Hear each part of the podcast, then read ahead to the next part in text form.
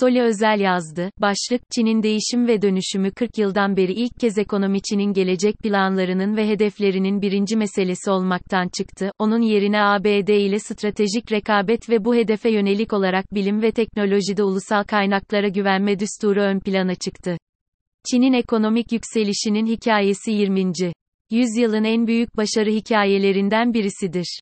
Bu başarının mimarı Mao ile birlikte uzun yürüyüşe katılan, daha sonraları en az iki kez ıskartaya çıkarılan, daha 1960'ların başından itibaren ekonomide piyasaya da bir rol verilmesini savunan Deng Xiaoping'dir.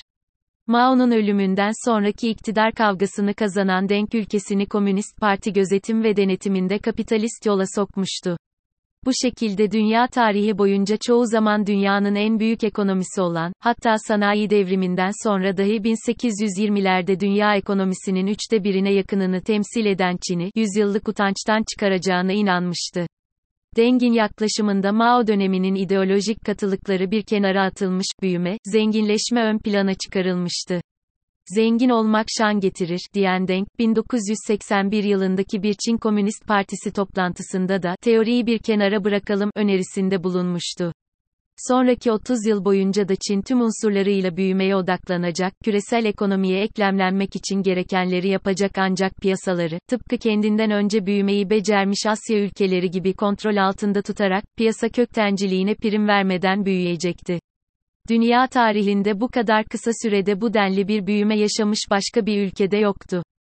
Büyük reform hamleleri başladığında dünya ekonomisinin %1,5'ü kadar büyüklüğe sahip Çin bugün dünya ekonomisinin %18'i seviyesine vardı. Önümüzdeki 5 yıl içinde de ABD ekonomisini geçmesi bekleniyor. Ülkesini zenginleştirme konusunda radikal bir devrimci olan Deng, siyasi katılım ve muhalefet konusunda aynı ölçüde despottu. Tiananmen meydanında yaşanan katliam ve on binlerce Çinlinin tutuklanıp hapislerde çürütülmesinin vebali de onun boynundaydı. Ne var ki aynı denk, otoriter bir rejimin en sıkıntılı meselelerinden birisi olan halefiyet meselesini de yani iktidarın nasıl el değiştireceği meselesini de bir kurala bağlamıştı. Buna göre bir ekip Çin'i ancak iki kez beşer yıllık dönemlerle toplam 10 yıl yönetebilecekti. Süre dolunca yerine bir başka ekip geçecekti. Yönetim bir kişi de simgeleşse de aslında kolektif olacaktı. Bunun yanı sıra Çin kendisini ekonomik gelişmeye adarken dış politikada daha sessiz ve derinden gidecekti. Buna uygun olarak da parti raporları ve programları dış şartları tehditkar olmayan bir ortam diye tarif ediyorlardı. Ta ki Xi Jinping Komünist Partisi Genel Sekreteri ve Devlet Başkanı olana kadar.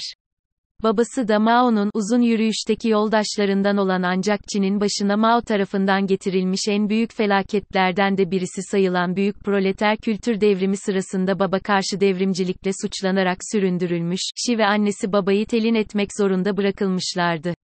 Yıllar içinde özellikle reformlar döneminde geçmişte kenara atılmış isimlerin itibarları iade edilirken, çocukları da önemli konumlara gelmeye başladılar.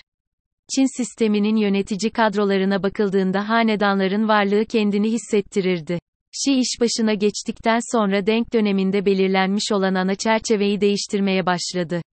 Çok daha ideolojik bir tavır alarak, yolsuzlukla mücadele gerekçesiyle kadrolarda müthiş tasfiyelere gitti. Kendisine rakip olabilecek sivrilmiş isimleri etkisizleştirir ya da hapse attırırken, kendi iktidarına tehdit oluşturabilecek yegane güç Kızıl Ordu'da da ciddi bir temizliğe girişti.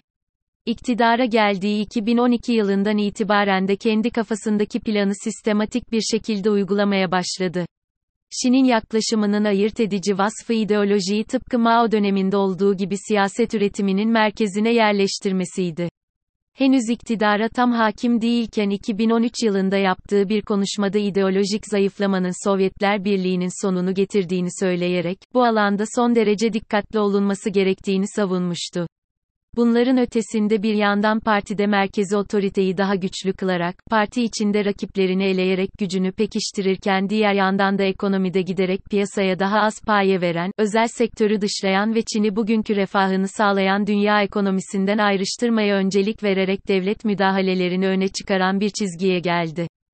Nokta. Çin'i yakından takip eden ve bu ülkeyi içeriden tanıyan eski Avustralya Başbakanı Kevin Rudd'a göre siyasette Leninist, ekonomide Marksist olan Şi ideolojik saflık arayışında da ağır milliyetçi bir söylemle Mao'cu bir hegemonya kurmaya başlamıştı.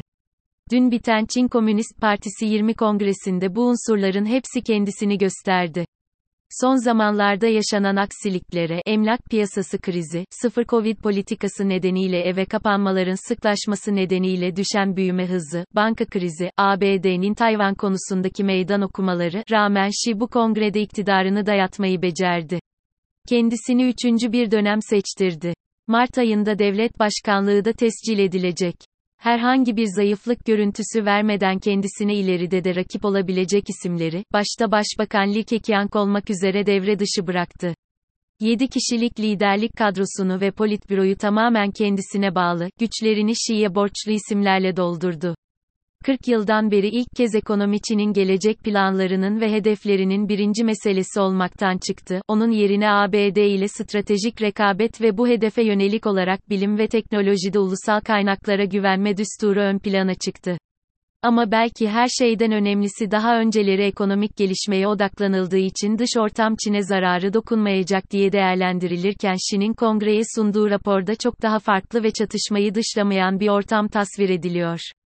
Çin'in hiçbir zaman olmadığı kadar güçlü olduğuna inanan ve tarihin akışını bu güçle değiştirmeye niyetlenen Şi uluslararası ortamı, şiddetli ve karmaşık diye değerlendirdi.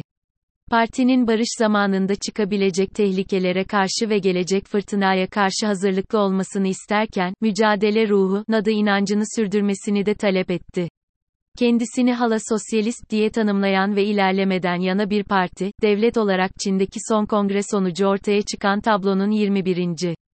yüzyıla hiç uymayan tarafı ise kadınların gerçekten de yok sayılmasıydı. Bir bakıma Şi yalnızca daha otoriter, kişiselleştirilmiş bir sistem kurmakla kalmıyor zaten ataerkil yaklaşımını asla terk etmemiş Çin'e bu özelliğin daha da ağır basacağı bir iktidar görüntüsü ve ideolojik söylem sunuyordu. ABD Çin'in nasırına basmak için her fırsatı değerlendirir ve kendisini Asya'dan atmaya çalışan Çin'e karşı yeni bir ittifak ağı oluşturup, Tayvan konusunda, muğlaklık politikasını terk ederken gelecek açısından tüm bunların ne anlama geldiğini ileriki yazılarda çözümlemeye çalışacağım.